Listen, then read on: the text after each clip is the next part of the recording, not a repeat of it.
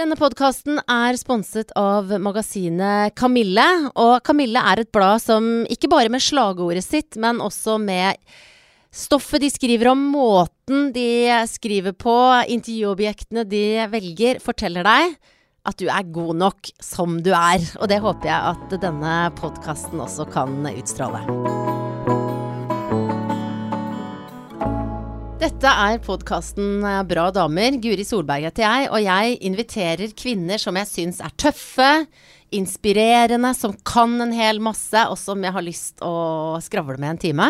Og dagens gjest, hun er av den typen som du leser om i avisene når man skal snakke om ja, hva Norge skal leve av etter oljen, og om hvordan vi her i landet skal klare å henge med den store digitale revolusjonen og sånn. Um, hun kan rett og slett mye om eh, noe jeg ikke kan noen ting om. Jeg, jeg kalte deg for tech-dronning oppi hodet mitt, Silvia Ceres. er det en tittel du kan eh, leve godt med? Jeg kan leve med det. Nei, jeg vet ikke. Tech-dronning. Det høres litt sånn uh, Sånn queen uh, Nei jeg For det første så er det lenge siden jeg har vært ordentlig dypt inn i tech. Mm.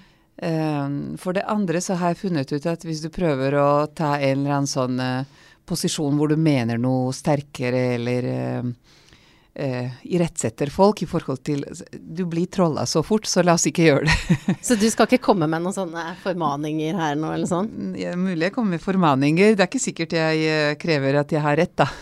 Men du har i hvert fall eh, Du er eh, matematiker, har vært på Oxford, har jobba i Saudi-Arabia, har vært i Silicon Valley. Eh, jobba med Alta Vista. Eh, nå er du mer sånn holde foredrag. Du skal holde foredrag nå etterpå. Har nettopp holdt et foredrag. Er rådgiver og Altså, hva, hva, er det, hva er det du kaller deg for nå når noen spør? Hva jobber du med? Hva sier du da? Jeg sier jeg er teknolog, og så sier jeg at jeg er investor. Mm. Um, sier ikke at jeg er foredragsholder, for det blir fort litt sånn sirkusartist. Oh, ja. uh, men jeg, jeg, elsker å holde foredrag. Jeg var uh, en gang for uh, snart 30 år siden professor. Mm. Og jeg liker å undervise. Jeg tror det bor en sånn liten del av sjela mi er en prestesjel. Jeg oh, ja. elsker å inspirere og formane. Og jeg, mm. eh, barna mine er kjempelei av alle disse her. Hver gang de sitter med meg i bilen, så må jeg prøve å levere en eller annen sånn ordentlig dyp greie. Og, altså jeg, jeg, elsker å, å, holde foredrag. Og um, så elsker jeg å tenke i fellesskap. Uh, liker å snakke med folk som har interessante perspektiver og mener noe, og prøve å leke litt med tanker. Mm. Kaller det intellektuell sex av og til. intellektuell sex? Ja. Det er et spennende begrep. Fortell hva, fortell hva, du legger i det. Nei, men altså man snakker om uh, uh, Ikke sant uh, I fysisk sex så møtes altså to kjemier, ikke sant? Mm. Og her er det rett og slett to to, to, to, to minds, mm. i, i, i mangel av et godt norsk ord på det. Eh, som møtes, eh, som, som, som, prøver å dytte litt på hverandre og prøve å utforske et eller annet spennende tema sammen. Og eh, jeg er skikkelig nysgjerrig ja. og syns det er veldig fascinerende å, å, lære fra interessante folk. Og det er alltid noe som kommer opp, og det blir veldig gøy. Men gjelder dette eh, alle temaer? Er du, altså den nysgjerrigheten din, hva er det som trigger den? Ja, altså jeg er nysgjerrig på hvordan ting funker, og hvordan folk funker, og hva er problemet de driver og liksom er opptatt av. Og hvis jeg syns at det er et spennende problem, så er det utrolig interessant å høre hva har de tenkt, og hvor langt har de kommet, og ja, om jeg eh, Jeg har uh, hatt en veldig sånn nomadisk uh, liv. Både kulturelt og profesjonelt og rota meg bort i så mange måter å leve på, så mange måter å løse en del eh, livsproblemer på, hvor jeg tror at de som har levd i én kultur, og kanskje jobbet i en, et, et, yrke, da, har mye mer satte begreper at sånn er det, ikke mm. sant? Og Eh, jeg syns at jeg har blitt veldig beriket da, av å plukke opp alle disse forskjellige perspektivene, og, og, og plukke med meg alt jeg kan underveis. Mm. Samler på um, folk og ideer. Du sier du har levd et nomadisk liv, og man hører kanskje en sånn svak aksent som kommer fra tidligere Jugoslavia. Mm. Eh, hvor gammel var du da du kom hit til Norge? Jeg vet ikke om jeg skal si ikke så gammel, eller ganske gammel. Jeg var 18. Uh, jeg, jeg, vokste opp som ungarsk minoritet i gamle Titos Jugoslavia, i den delen som er Serbia i dag. Okay. Um, blandet språk egentlig helt fra starten. Eller egentlig var jeg, jeg Mine foreldre flyttet til en liten gruveby øst i Serbia, hvor det er en uh, minoritet som heter Vlasi. Og de har ikke engang et skriftlig språk, det er et utdøende språk. Og egentlig utdøende kultur, men utrolig fascinerende. Og hun som passet meg, hun var da en eh, vlach. Og det var mitt første språk med henne. Men eh, mine foreldre snakket ungarsk til meg, mine besteforeldre snakket ungarsk til meg, og så begynte jeg på serbisk skole for å unngå sånn etnisk minoritetproblematikk når jeg skulle studere. Så, eh, så jeg, jeg, har vært egentlig litt sånn kulturelt forvirret helt uh, fra spedbarnstid. Og så, eh, som 18-åring til Norge, studerte her. Jeg trodde hele tiden at jeg skal tilbake. Savnet eh, egentlig Jugoslavia forferdelig. Det var sånn kremkommunisme og ganske vet ikke, Folk hadde god tid og veldig mye humor, og jeg syns det var gøy sted å vokse opp. Men så, men så kom krigsårene. Mm. Og så var jeg også i en alder hvor du får røtter. Um, samboer etter hvert um, Han jeg giftet meg med, og Så jeg ble. Mm. Uh, helt sånn uplanlagt. Og jeg fascineres også underveis hvordan livet blir til. Altså vi tror på et eller annet vis at vi har en plan, og at det er noe i oss som definerer den planen, men det er uh, improvisering hele veien. Gjerne med litt glede og kanskje litt retning, da. Og den retningen har jeg vært veldig fascinert av. Eh, at uh, det er viktig å ha den, og så er det viktig å samtidig tørre å utfordre den hele tiden. Da. Men jeg tenker jo eh, kanskje litt sånn stereotypisk, da, at når du eh, er realist, ikke sant, matematiker, og da tenker jeg system og orden og forutsigbarhet. Nei. Men det stemmer ikke, den oppfatningen om at, at Jeg tenkte at sånn skulle du være. Nei, altså jeg liker struktur, men jeg liker å bryte den også. Er eh, litt sånn uh, panisk uavhengig, egentlig. Um, nei, altså jeg uh, har en pappa som er veldig god matematiker. Og for meg er matematikk antagelig noe ganske annet enn for veldig mange som sier at de ikke liker matematikk. Jeg husker at uh, pappa fortalte historier om ja, hva er det vi egentlig prøver å forstå her? Og når du har forstått problemstillingen, når du har forstått spørsmålet, og du bryr deg om spørsmålet, så blir svaren egentlig ganske selvfølgelige. Matematikk prøver å gi deg de aller enkleste svar det kan på ganske generiske spørsmål om forskjellige ting i verden.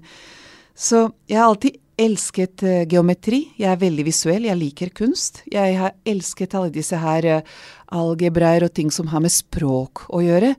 Og um, jeg rota meg bort i programmering, litt sånn etter press fra familien, men den delen av det jeg valgte, har bare med språk å gjøre. Jeg studerte språk når jeg jobbet der med algoritmer.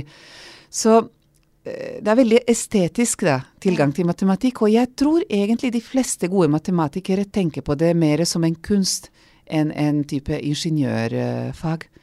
Jeg, jeg, glemmer aldri pappa snakket om um, Ungarere, da, er gode matematikere det er noe i det der umulige språket vårt, 26 kasus og massestruktur, som gjør at du tenker matematisk. Og han fortalte om um, far og sønn, Boljai, hvor far uh, holdt på med å bevise at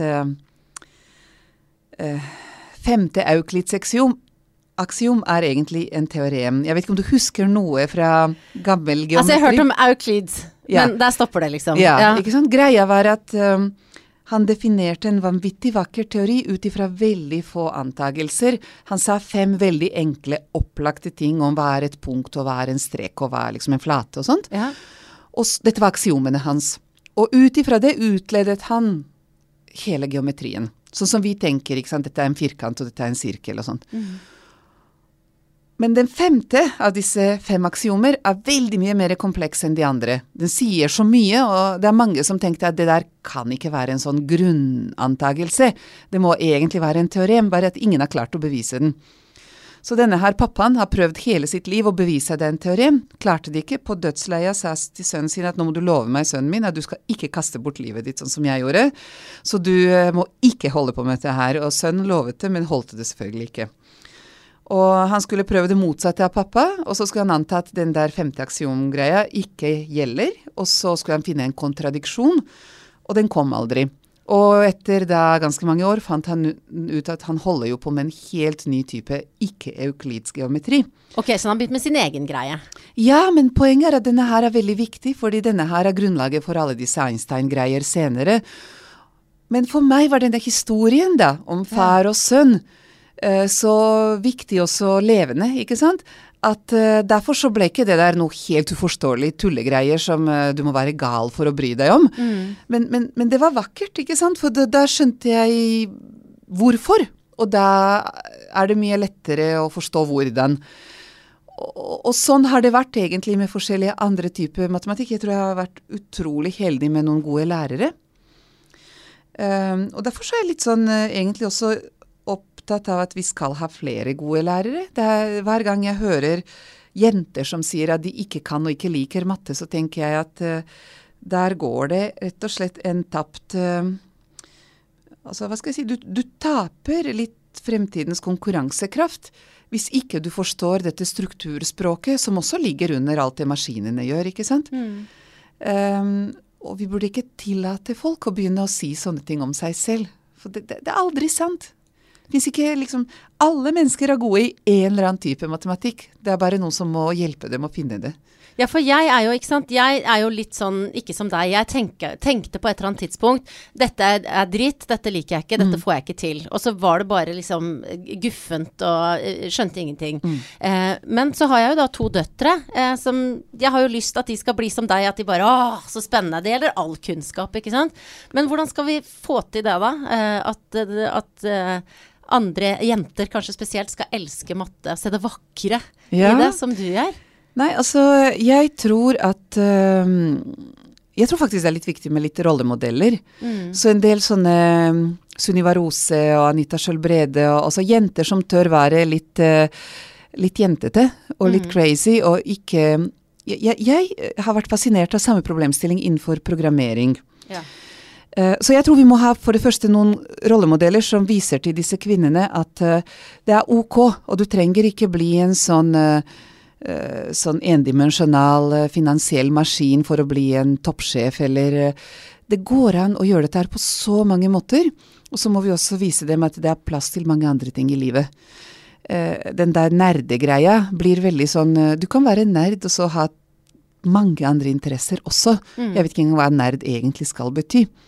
Nei, det kan jo være en hedersbetegnelse også. Altså, jeg bare tenker på nerd som noen som eh, er litt sånn kompromissløs opptatt av en ting, men kan være opptatt av mange ting i parallell. Mm. Uh, bare at du bryr deg veldig om noe og prøver å lære deg mye om det, og det tenker jeg er bare kult. Ja. Uh, men, men, jeg tenkte på dette med jenter og naturfag, og jenter og programmering særlig.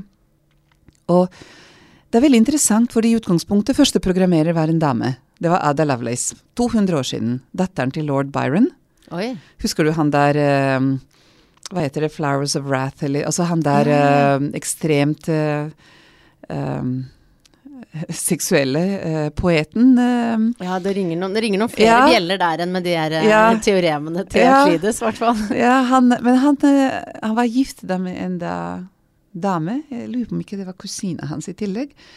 Um, og så holdt jeg ham på med ganske mye på si, og så skulle denne kvinnen lære datteren deres matematikk, så hun ikke ble like fordervet som pappa. Men Ada ble da en utrolig poetisk matematiker. For det går an å være en poetisk matematiker? Ja, da, det er bare liksom å se det vakre i strukturer og kunne uttale seg på en um, lingvistisk vakker måte om det. Det er, utro, det, altså, det er litt det si Shakespeare og Mozart og Bach driver med også, ikke sant. Mm. Men uh, hun eh, programmerte, og så var det alle disse damene som etter hvert uh, uh, var The Computers. Altså de beregnet disse ballistiske missilbaner og holdt på med først veldig kompliserte matteberegninger, og så brukte de datamaskiner til å programmere de beregningene. Og så kom PC-ene, og det, da er vi på ca. 70-tallet, 70-80-tallet. Og så ble datamaskiner og PC-er en guttegreie. Og jeg lurer på om eh, denne her popkulturen, da, um, var faktisk litt av eh, skylda der. Det kom en del filmer, altså disse her war games og sånt, som um, fremviste dette som noe du gjør i en mørk kjeller, og du måtte like litt sånn krig for å leke disse spill og sånt. Og jeg tror at en del jenter meldte seg ut. Og så har vi kommet nå så langt at uh, det er ikke så veldig effektivt å melde seg ut, fordi du må kunne litt uh, koding, litt matte, litt uh, statistikk i veldig mange yrker. Og jeg tror det vi må gjøre nå, er å fortelle disse jentene hvorfor er dette innmari samfunnsviktig. Altså, det du gjør med en datamaskin, er å programmere eh, samfunnet, programmere politikken, eh, styre eh, matforsyning. Eh, du, du, du, på en formell måte forteller hvordan løsningen skal være på helt kritiske problemstillinger. Og etter hvert så kommer det ikke til å være viktig å kunne alle de semikolon-greiene i de programmeringsspråkene heller. Du må klare å fortelle en eller annen maskin hvordan den skal strukturert løse en kompleks problemstilling. Og kvinner er ekstremt gode på det. Vi bare tror at det er vanskelig tilgjengelig for oss, eller hva er det som Nei, gjør at Når du prøver å samkjøre alle disse prosessene i hjemmet ditt og holder i fem baller i lufta og sånt, så styrer du en veldig kompleks system, ikke sant. Mm. Og du har en viss rekkefølge på ting og visse prioriteter, og akkurat den type tankegangen med å kunne prioritere brutalt, men riktig, være bevisst sine verdier når man tar de prioriteringene, eh, forholde seg veldig langsiktig til råværene du har, tenke etisk underveis.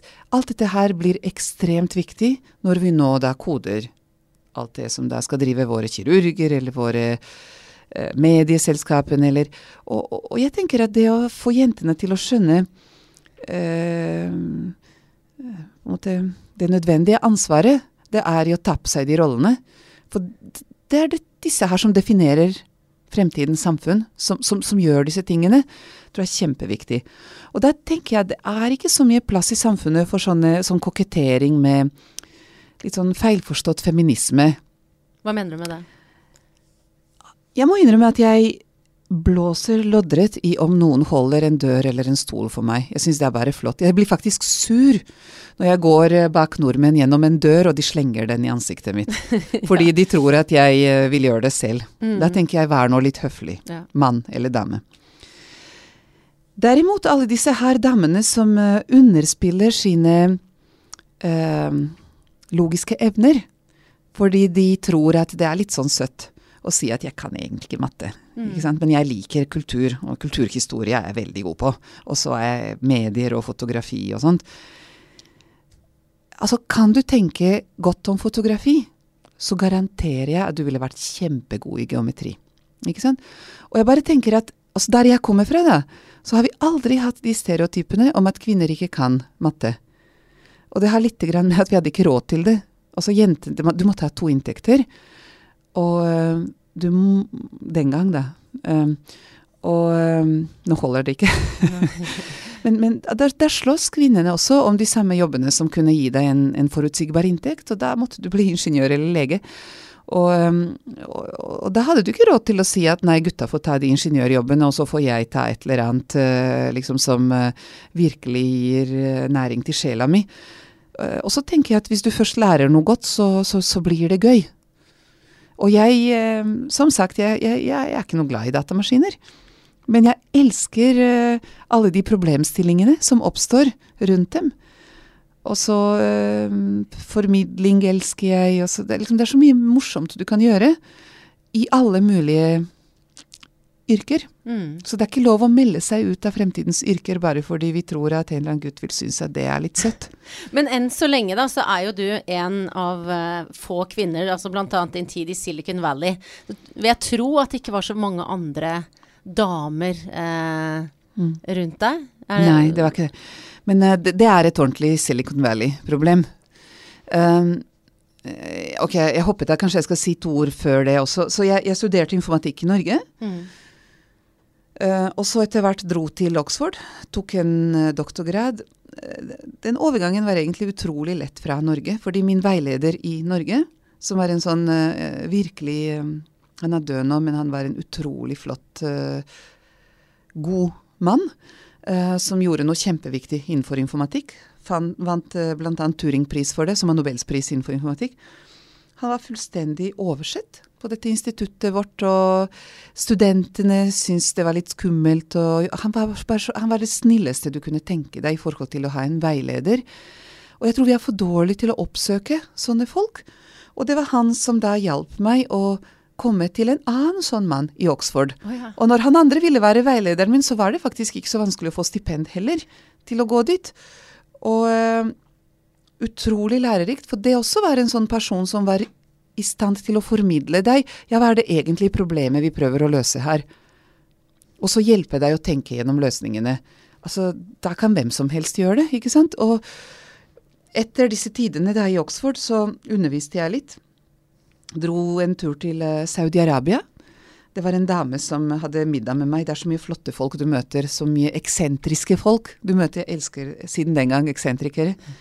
Som var en sånn uh, liten uh, dame fra Saudi-Arabia. Og hun overtalte meg til å dra da til Jeddah for å være med og starte et privat kvinneuniversitet. Det er eksotisk, da. Det var skikkelig eksotisk. Ja. Og, men, men så dro jeg etter hvert til Silicon Valley og var med på å programmere litt rundt Alta Vista. Og det var kjempespennende tider, for dette var 1999. Ja. Rett før den første dotcom-krisen.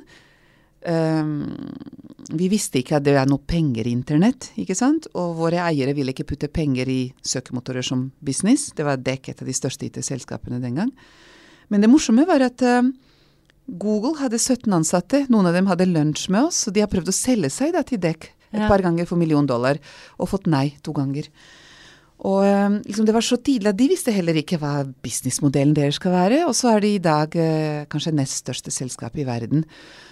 Og det å ha sett eh, liksom den rotete starten deres Altså, det er jo bare mennesker, det òg. Ja.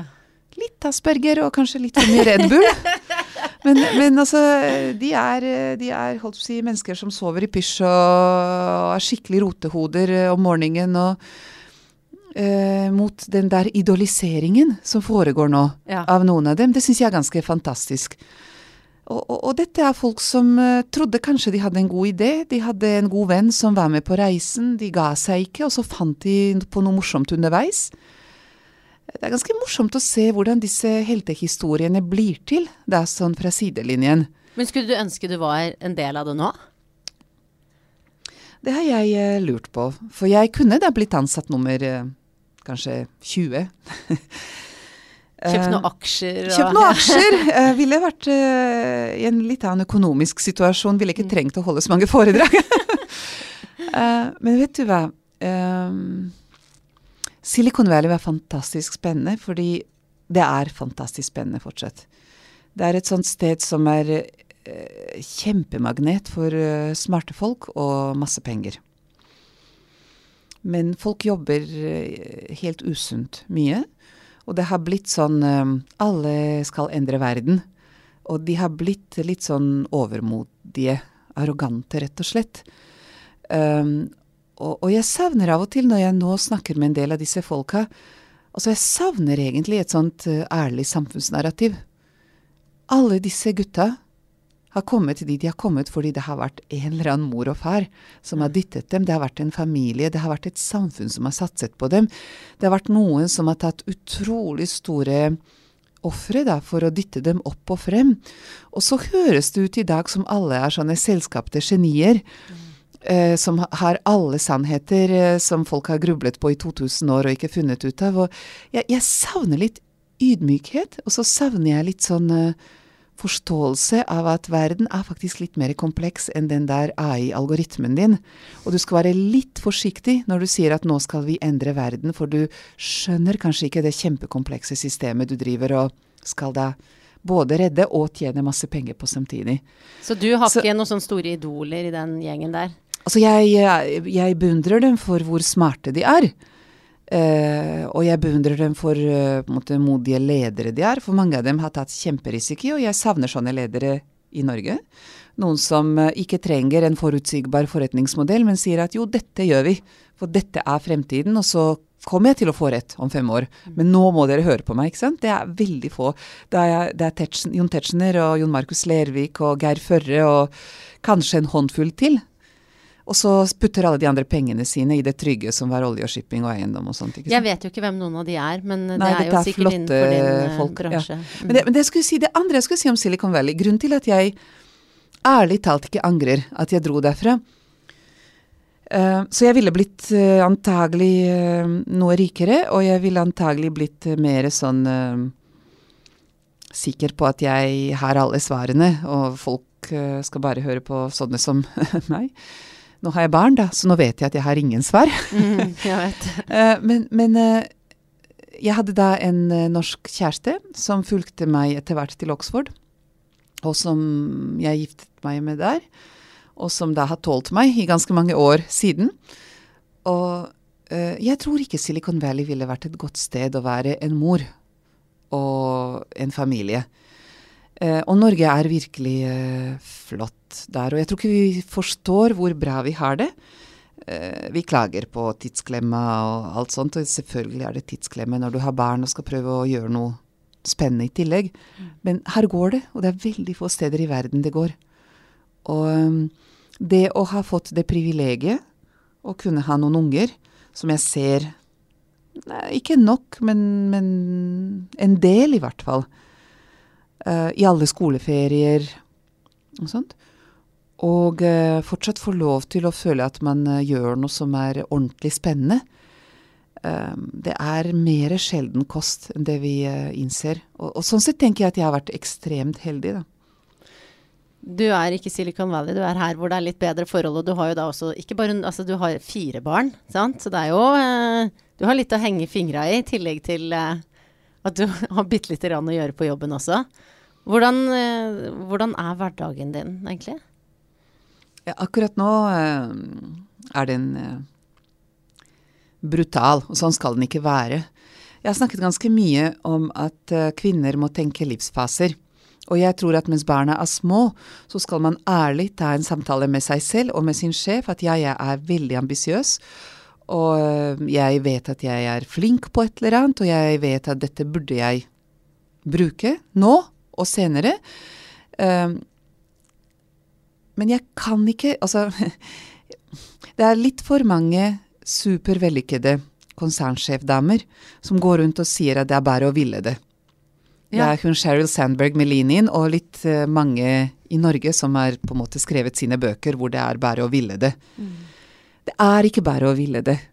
Når det barnet er sykt, eller når du får eh, klage fra læreren om at nå har du glemt å ta ting ut av sekken, og du har eh, bursdager og treningsleir og eh, Altså, det er en livsfase hvor du er nødt til å ha ettermiddagene og helgene til en viss grad for familien.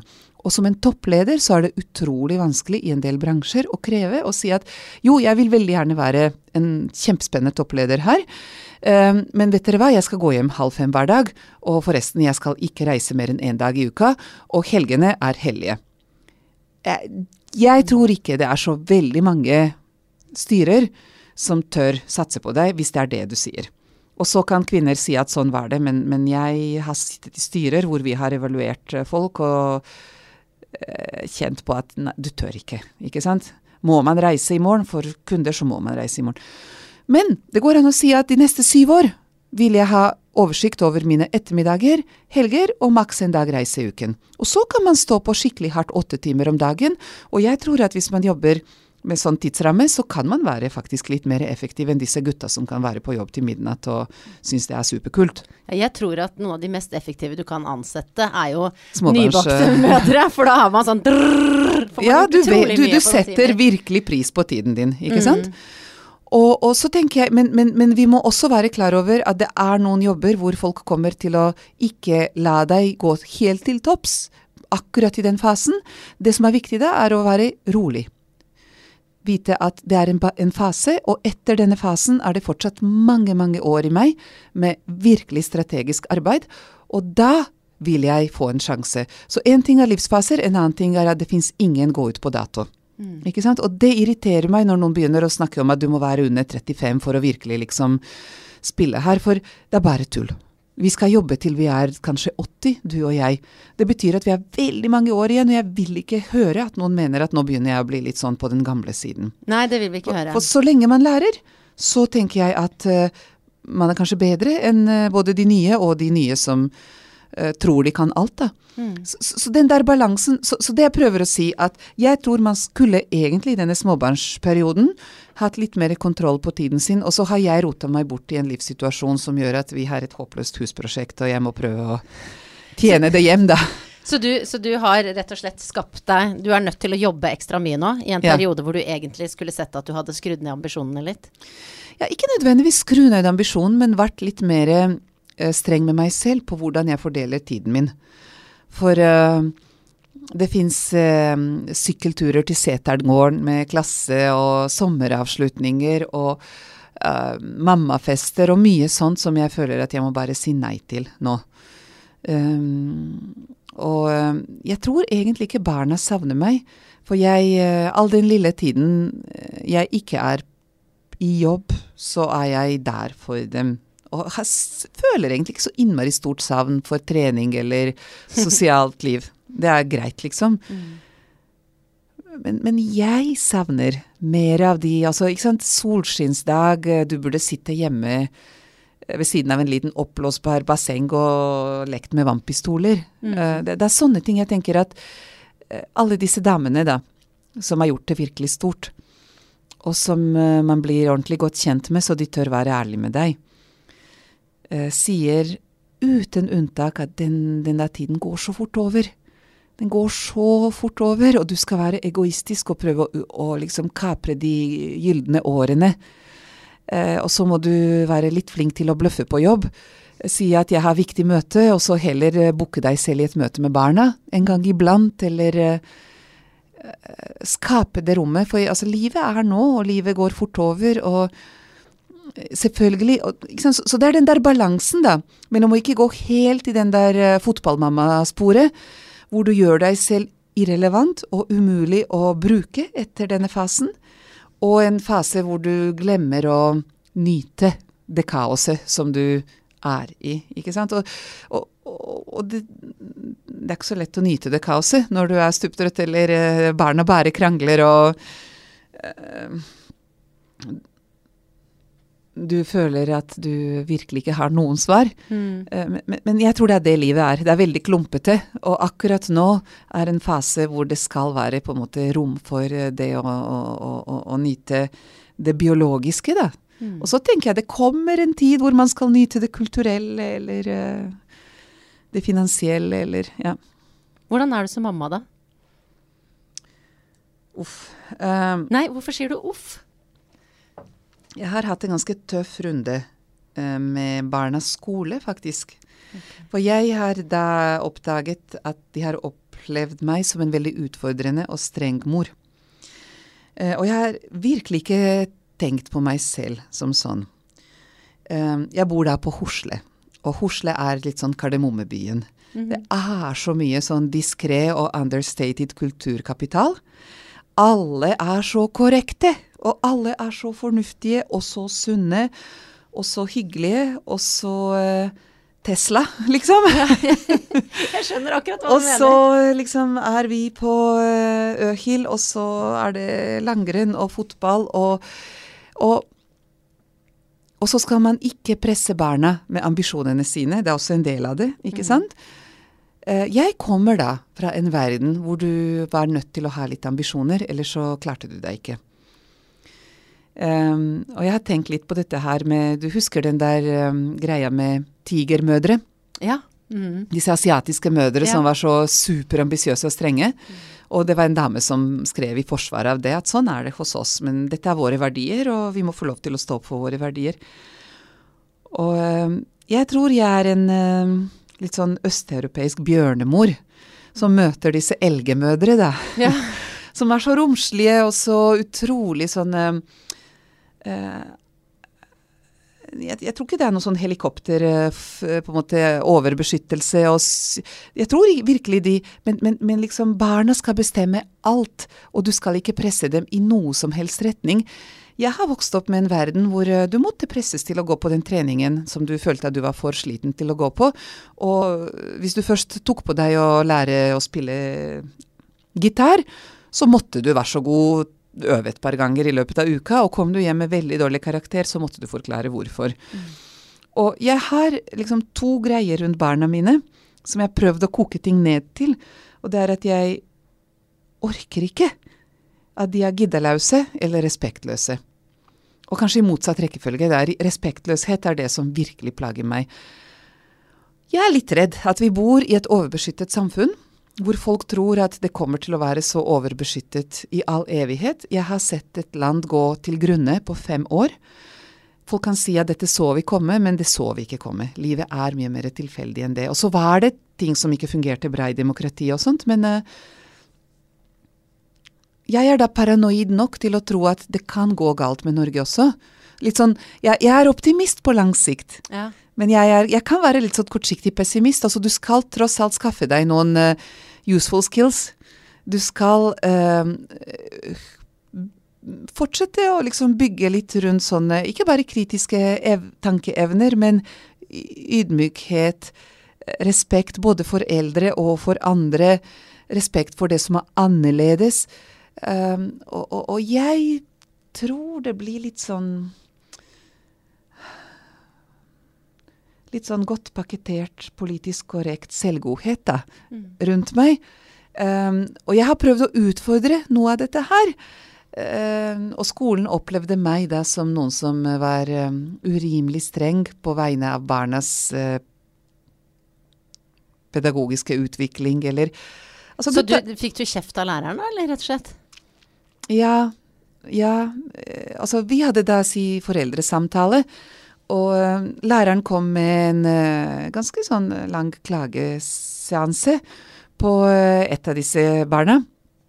Som jeg egentlig opplever som kanskje det mest robuste barnet vi har. De er veldig forskjellige. Det fascinerer meg. Ja, ikke sant? Ikke sant? Vi har en som er litt sånn hissig supersporty, litt sånn overdimensjonert rettferdighetskompleks gutt. Så har vi en som er så rolig og romslig og avslappet og superrobust. Og faglig begge to veldig, veldig gode gutter. Men han er litt yngre. Han er litt um, lat. Det liker ikke du? Jo, jeg har ikke noe problem med det. Så lenge du kommer i mål, så trenger ikke du bruke mer energi enn det du må. Eh, jeg tror jeg er litt lat selv. Altså, det gjør at du finner på smarte løsninger. Det er sant. Men, men han fikk så veldig kritikk av læreren for å liksom ikke bry seg, ikke høre etter, ikke, ikke vise respekt i tid. Så jeg tror han er en drømmer. Han er veldig mye i sin egen verden, og vi ser det hjemme. Men når vi da sitter da foran den læreren, og jeg får uh, alt dette her, så blir jeg litt streng med ham. Og det vil jeg ikke høre mer, ikke sant. Og sånn må, dette må vi fikse. Og dette ble Og jeg sa at uh, ja, men da må vi være mye strengere på når du legger deg, for det har sklidd helt ut hjemme, ikke sant. Og vi må bli strengere på dette med spill. Og så fikk jeg eh, i etterkant kommentarer om at altfor liksom villig til å straffe. Jeg snakket bare om at gutten ikke skal eh, spille for mye. Ikke sant? Og, og jeg tror at jeg ble tolket mm. i min eh, da direkte, litt sånn kulturelt uh, feil uh, uttalte uh, iver etter å prøve å få ham til å virkelig vise respekt over læreren, som en mor som er overambisiøs. Eh, jeg, jeg, tror virkelig at jeg prøver å liksom eh, elske de bærene der de er. Ja. Og eh, de er det viktigste jeg har i livet, og det jeg elsker mest i livet. Fascinerer meg hvor utrolig forskjellige disse fire mennesker er. Altså det er samme genetikk, blanda på litt forskjellige måter. Og, og, og, de har så forskjellige liksom strategier for livet. Eh, og det å møte dem der de er, det, jeg, jeg, jeg syns dette er det mest spennende jeg har gjort i livet mitt. Og koser meg kjempemye med det, og så blir jeg frustrert når de ikke hører etter. Og så tenker jeg det må være lov å si fra at vet du hva, nå orker jeg ikke mer tull, jeg er for sliten til dette her. For de skal også vite at mamma er et menneske. Mm. Men at jeg gjør det med uendelig kjærlighet, og det er jeg sikker på at de vet. Og der er vi kanskje litt da forskjellige fra disse mammaene som aldri skal kritisere.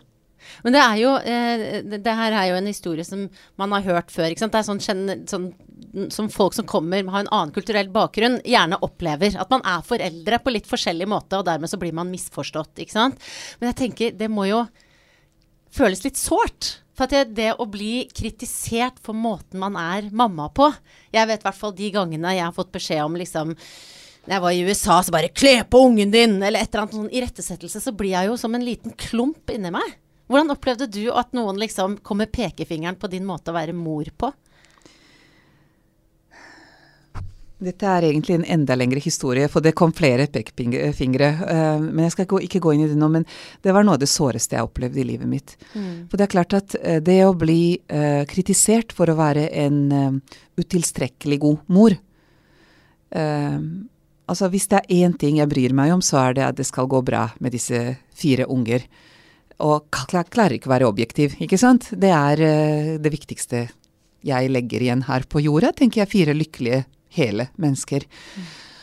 Og uh, gjør så godt jeg kan, og, og gir alt, ikke sant. Og så er ingen av oss perfekte, og det er jeg på en måte voksen nok til å være helt komfortabel med.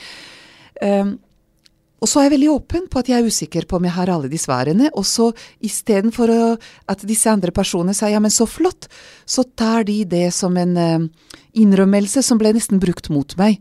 Og, og, og det var ganske vanskelig. Og så har jeg gått en del runder med meg selv, eh, og så tenkte jeg at vet du hva, altså dette er også en måte å forvalte mine verdier på. Og jeg må få lov til å innprente Altså, det å være foreldre er ikke bare å jatte med. Det er faktisk å innprente de verdiene du har, på de ungene. Og de kan si hva de vil, men jeg mener at dette er min jobb. Og en jobb som du har som en mamma, f.eks. i Serbia, er å sørge for at dine barna klarer seg eh, akademisk. Det er å sørge for at de spiser sunt. Det er faktisk ikke så farlig om de legger seg halv åtte eller åtte hver dag. Og det er ikke så farlig om de spiser godteri bare på lørdager. Eh, og der sant, svikter jeg i norske øyne, og så tenker jeg at eh, der får det være. Der får jeg heller innrømme at ja, men vet du hva, noen dager får de hansker som ikke matcher. Eller så har jeg glemt hansker til og med, eller ullundertøy. Eh, Det, det, det er ikke bra, men eh, der glapp det. Men, men jeg har liksom ikke glippet på å eh, skvise dem nærmest i hjel før de fikk uh, legge seg. Så, så, jeg- så jeg tenker at uh, men, men det er ikke lett, ikke sant, for du er så usikker på om for det første, hva er de riktige svarene, særlig når du er litt sånn flerkulturelt forvirret som meg. Hadde vært uendelig mye enklere å ha en kultur med alle beste oldeforeldre som sang samme visa og samme godnattsang, så visste du at jo, men det er sånn man gjør det. Jeg vet at det er ikke bare sånn man gjør det. Og vi drar til Montenegro en måned hver, hvert år, hver sommer. Og eh, det er veldig morsomt liksom, å møte da disse barndomsvenninnene mine, som også er mødre med sine unger, og, og liksom flire litt av hvor forskjellige vi er som mødre. Eh, og, så, og så samtidig på en måte huske at man er så glad i hverandre at man må jo gi hverandre rom til å få lov til å være akkurat den moren man tror man selv må være. Og det tror jeg er veldig viktig, eh, akkurat det du sa der. Det med å gi hverandre rom. For akkurat det der med å være foreldre og sånn, det er kanskje spesielt i, i vår internettalder, så er det altså mammaforum og alt som verre er, at det er så fort gjort å mene noe om Å, gjøre du sånn? Ja, det kan du ikke gjøre. Altså, jeg mener ullundertøy, smullundertøy. Altså, det er bare så mye meninger om alt. Men gi hverandre rom. Det er en Ja, altså- eh, påminnelse. Jeg, jeg tror at det å øh, på en litt sånn være ærlig på alle sine imperfeksjoner mm. En av de tingene som øh, jeg prøver å bruke som en beskyttelsesmekanisme, det er litt sånn Hva heter det sånn humor om seg selv. Eller altså der jeg kommer fra, så er det veldig mye sort humor. Ja. Og man tuller veldig mye om alle sine feil og sånt. Og det, ehm, det er en veldig fin ventil, ikke sant? Uh, og så kommer man litt sånn forbi en del av disse problemene også. Uh, så så um, det å ikke bry seg om, om alle er enig i at det er en perfekt sjokoladekake du har bakt, eller Altså, jeg har rett og slett ikke rukket å bake kanelboller til 17. mai, og det sto på lista mi, men den dagen kom jeg så sent hjem at jeg rakk ikke engang innom Rimi for å kjøpe en eller annen pose, ikke sant. Og så tenkte jeg at vet du hva, da, det er viktigere at jeg legger meg nå, og at jeg klarer å være glad med de ungene i morgen, og så får jeg bare be om tilgivelse. Og, og, jeg tror at vi er så rike, vi er så trygge, at vi, vi, eh, vi har så enorme forventninger på hva det vil si å eh, måte være lykkelig gift, hva det vil si å være en god mor, at vi, vi gjør det for umulig. Det er nesten sånn som disse tenåringene. ikke sant? Vi snakker om angst, Mm. eh, og vi syns synd på dem. Eh, og så er det nesten ikke lov å klage på tidsklemma og alt dette her når man er blitt voksen dame, for eh, altså live with it, ikke Ja. sant? Men, men av og til tenker jeg at Du vet når du ser disse Hollywood-fruene og sånt, og så tenker du at de, her, de lever i et sånn selskapt helvete. Altså, vi kjører oss selv litt sånn hardt på vår egen måte. Mm. Um, og det å, det å um, Det å gi seg selv spillerom, det å, det å innrømme at eh, jeg har noen laster Jeg, jeg har blitt hekta på et dataspill. Nydelig. Og um, det, det kom via barna, for de har bedt meg om litt hjelp, eh, og så har de bedt meg om litt penger, og så har de forlatt spillet, og de har liksom hatt, hatt tre andre spill eh, siden som de har liksom blitt helt sånn oppslukt av, disse guttene mine, mens jeg er trofast da mot uh, Clash of Clans. Så det sitter du med. Det sitter jeg med. Og det sitter jeg med sånn én til to runder om dagen, og det er min liksom men, men det er en boble, ikke sant? Og mannen min bare flirer av det nå. Fordi altså det, Til tider er det så mye press. Ikke sant? Du skal levere, og du skal være smart, og du skal forstå, og du skal ha lest, og du skal uh, velge riktig. Og det er så mange mennesker, og liksom det å låse seg i en boble hvor du ikke trenger å gjøre noen ting, og det er liksom din lille hemmelige verden Altså, noen blir alkoholikere. Noen blir utro. Jeg har Clash of Clans. Det er Altså, godt du har det. Nei, men altså, jeg tror vi trenger, og, Ja. og vi gir oss selv så lite spillerom. Og det, det der eh, Og det er derfor jeg er litt opptatt også av at eh, alle disse fantastisk eh, vakre, vellykkede, rike, smarte, superutdannede toppledere som sier at det er bare å ville det, de setter opp idealet for høyt. Mens jeg tror at vi skal ærlig innrømme at vet du hva, jeg ante ikke hvor jeg skulle, men jeg var heldig. Det var to stykker, tre stykker, fire stykker som så meg underveis, dro meg etter nakkehåret, lot meg være dum en periode, tilga meg, og så var jeg flink til å ta ballen til slutt, ikke sant? Når jeg endelig liksom kom opp fra vi sier fra rumpa opp i hodet, ikke sant? At det er dette jeg må gjøre nå. Ja. Men, men, men det, å, det å innrømme at livet har vært en litt sånn uh, uh, Jeg holdt på å si fyllik dans, ikke sant? Eh, og så var det gøy underveis, og så var det pyton til tider, men så er helheten litt sånn meningsfull, og det er en viss retning som jeg tror på. Jeg tror det ville gjort det litt og mer overkommelig for ganske mange, istedenfor å si at uh, nei, vet du hva, jeg var eh, veldig flink, og så tok jeg en doktorgrad, og så ble jeg en uh, mellomleder i et veldig vellykket selskap som ble solgt, og altså det å postrasjonalisere blir så uærlig, for ingen av oss vet hvor vi skal. Det du skjønner at jeg prater på inn- inn- og utpust, men Dette engasjerer deg. ja, ja, det gjør det. Jeg har eh, elsket en sang av Avicii Mm. eh, som heter Wake Me Up. Og eh, på et eller annet tidspunkt så sier han eh, Altså for det første så sier han at eh, eh, Et eller annet med at det, de, de forteller meg at eh, jeg må vokse opp eh, og finne retning. Jeg visste ikke engang at jeg var lost, da. Mm. Ikke sant? Og eh, jeg vet ikke hvor eh, reisen skal ende, eh, men jeg vet hvor jeg skal begynne. Og det er så nyttig livsfilosofi. Altså, du må bare begynne. Du må bare begynne smått i en eller annen retning du tror blir riktig. Og om det er umulig å velge, så tar du bare et valg, og så er det lov å skifte etterpå. Og så er det noe med å liksom eh, tro at det er meningsfullt nok. Og det er der du viser samfunnsansvar, ikke sant. Det, dette vil jeg fikse, ikke alt. Dette er min greie. Min greie akkurat nå, det er å prøve å få Norge til å skjønne at vi kan konkurrere på en unik måte i denne her gjennomdigitaliserte verden.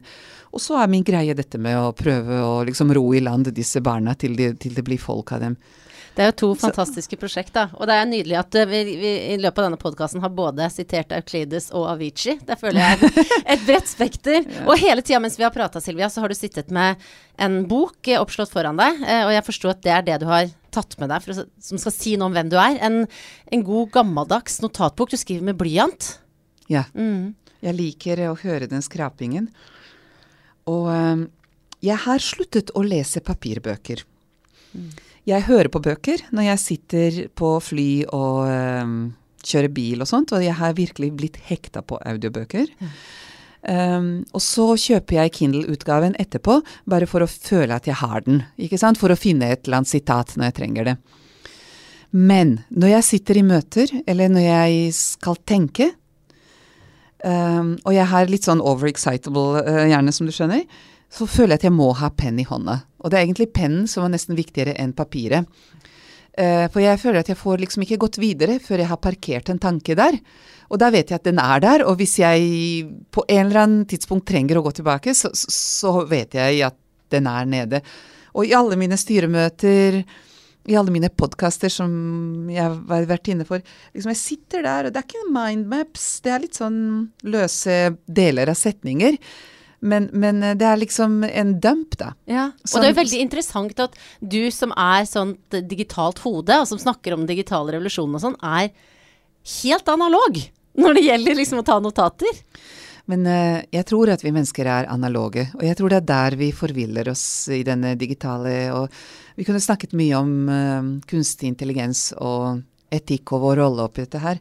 For jeg tror at den bevegelsen hvor vi skal bare bli mer og mer effektive, er innmari sånn mekanisk. Mm. Maskinmessig syn på mennesker. Og vi er ikke maskiner. Det som gjør oss vak vakre, det er denne her rotete, det rotete følelseslivet, den irrasjonaliteten vår. Og eh, jeg tror at vi er nødt til å lære om digitale teknologier, og med det mener jeg alt fra liksom kunstig intelligens og big data og blockchain til uh, genetikk og 3D-printing og VR. For å vite hva det er, for å utnytte det på en eller annen cocktail som er nyttig for det vi skal gjøre. Men først må vi bestemme oss hva vi skal gjøre, hvordan vi skal gjøre det, og hvorfor. Og så rigger vi det til med teknologier. Og der tenker jeg at vi setter litt sånn uh, cart in front of the horse da, når vi snakker først om teknologi og hva det kan gjøre for oss, uten å vite hvorfor vil vi at den skal gjøre det for oss. Og Silicon Valley, da. Tilbake til uh, hvorfor jeg føler at det er egentlig bedre å være i Norge enn der. De har en innmari sånn optimaliserings-, effektiviseringssyn på mennesker og menneskelige samfunn. De skal ta bort alle tapte sekunder og alle overflødige kalorier og men, men, vi er jo ikke en maskin som skal optimaliseres. Vi har fått denne kroppen for å leve et liv som jeg tror er grunnleggende et følelsesliv. ikke sant? Det er det som gir oss mening og retning. Og denne kroppen og alt dette her uh, i følelsene våre gir oss bare tilbakemeldinger om vi er på riktig retning, om den meningen på en måte makes sense, da, mm. eller ikke. Og, jeg, og, derfor så tror jeg at eh, ja, digitalisering er et viktig uh, sett med verktøy som er mye rikere enn bare en datamaskin eller kunstig intelligens.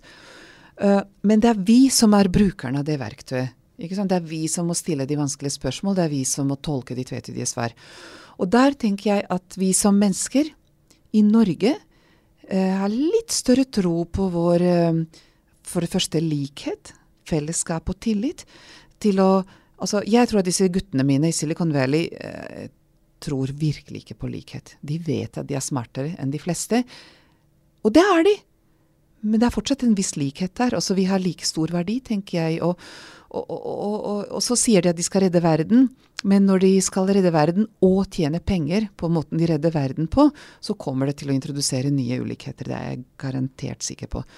Mens her i Norge så tror jeg at vi har disse dugnadene våre, og vi har disse eh, Altså, vi er ikke alltid de raskeste til en eller annen sånn superoptimalisert Spetalen-modell, men grunnleggende så går vi i riktig retning. Ja.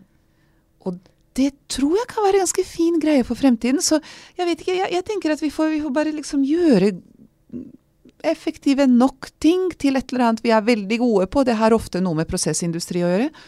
Og så får vi liksom sørge for et samfunn hvor disse ungene våre skal få lov til å fortsette å være like glade og naive, ikke sant. Da, har vi gjort det ganske bra, altså. Mm. Du, jeg pleier alltid avslutningsvis å stille gjestene mine tre ganske sånn kjappe spørsmål. Um, og det ene er Hva spiste du til frokost i dag? Ingenting. Hadde du ikke tid? Nei. I dag var jeg på Lysebu med et, et todagers styremøte. Og i går oppdaget jeg at jeg må levere to kronikker innen kvelden i kveld. Oi. Så i natt eh, sto jeg opp eh, litt for sent. Og så skrev jeg den kronikken til jeg måtte i full hast løpe inn i det styremøtet. Så jeg hadde to kopper kaffe Hei. til å begynne dagen med, og så hadde jeg to kopper kaffe til. Så det var, eh, det var frokosten i dag. Men du har fortsatt én kronikk igjen, eller? Jeg har en kronikk igjen. Når skal du skrive den? Nei, eh, etter hvert skal jeg komme hjem, og så når ungene har lagt seg, så skal jeg prøve å skrive den. Så det er ikke sikkert Men det er blir ikke så dårlig. i morgen heller. Nei, men det er ikke så dårlig utgangspunkt. For det jeg har lært, at av og til er det du gjør når du er egentlig helt sånn eh, Når du bare må gjøre noe et eller annet godt nok, og du grubler ikke lenger om du har de perfekte tankene på rekke og rad, at det blir så veldig bra, det. Så jeg, jeg satser på Jeg satser på å øh, lage meg en, en, en ordentlig god kopp te eller et glass vin, og så bare taste i vei. Hvor lang tid brukte du på å finne ut hva du skulle ha på deg i dag? Ja, null eh, det, det har jeg ikke tid til. Jeg har funnet ut ting som funker. Ja. Og jeg liker å kjøpe klær. Veldig ofte så bruker jeg aldri de klærne. Det er litt sånn eh, du, du forestiller deg, tror jeg, alternative personer når du finner et eller annet som Det hadde vært så kult å ha på seg! Og så har jeg liksom fem kjoler som alltid funker, og det er egentlig ganske sånn eh, Nesten sånn uniform, ikke sant. Dette funker uansett. Eh, og det kommer til å se pent to dager på rad også. Og eh, det er litt sånn jeg går for tiden, altså. Men de klærne som du kjøper eh, til de alternative personene dine, hvordan, de henger da i skapet ditt, ubrukt? Ja, det er min dårlige samvittighet, da, som etter hvert bare pakkes bort. Og det må bare gis bort, og det er der jeg må vokse opp, da, og innse at uh, det er ikke plass i livet vårt for alt det som eh, på en måte ikke, ikke gjør oss glade, da. Og det er alle disse Og jeg tror kanskje jeg kommer til å fortsette å kjøpe dem. Jeg får kanskje lage meg en eller annen sånn god rutine hvor jeg gir det bort til en eller annen kjær venninne eller eh, søster, Ja. og lager en god historie ut av det. Det er det jeg pleier å gjøre. Mm. For jeg kjenner meg igjen i det der. At Akkurat. jeg ikke er tøff nok til å bruke det, eller kul Nei, nok. det ser så kult ut, og du har Ja. sett på det på noen, og så tenker altså, Jeg er sånn med sko, forresten. Mm. Høyhælede sko, det bare går ikke. Jeg får liksom ikke levd livet mitt hvis jeg skal ha på meg høye hæler. Og, og det hadde vært så kult! Men eh, det, det må jeg bare innse at det er på tide å gi bort alt som har hæl. Mm. Du, eh, apropos å være litt sånn tøff. Det siste spørsmålet er jo Jeg blir jeg alltid litt sånn litt rolig når jeg skal stille, men jeg gjør det alltid til alle gjestene. Når hadde du sex sist?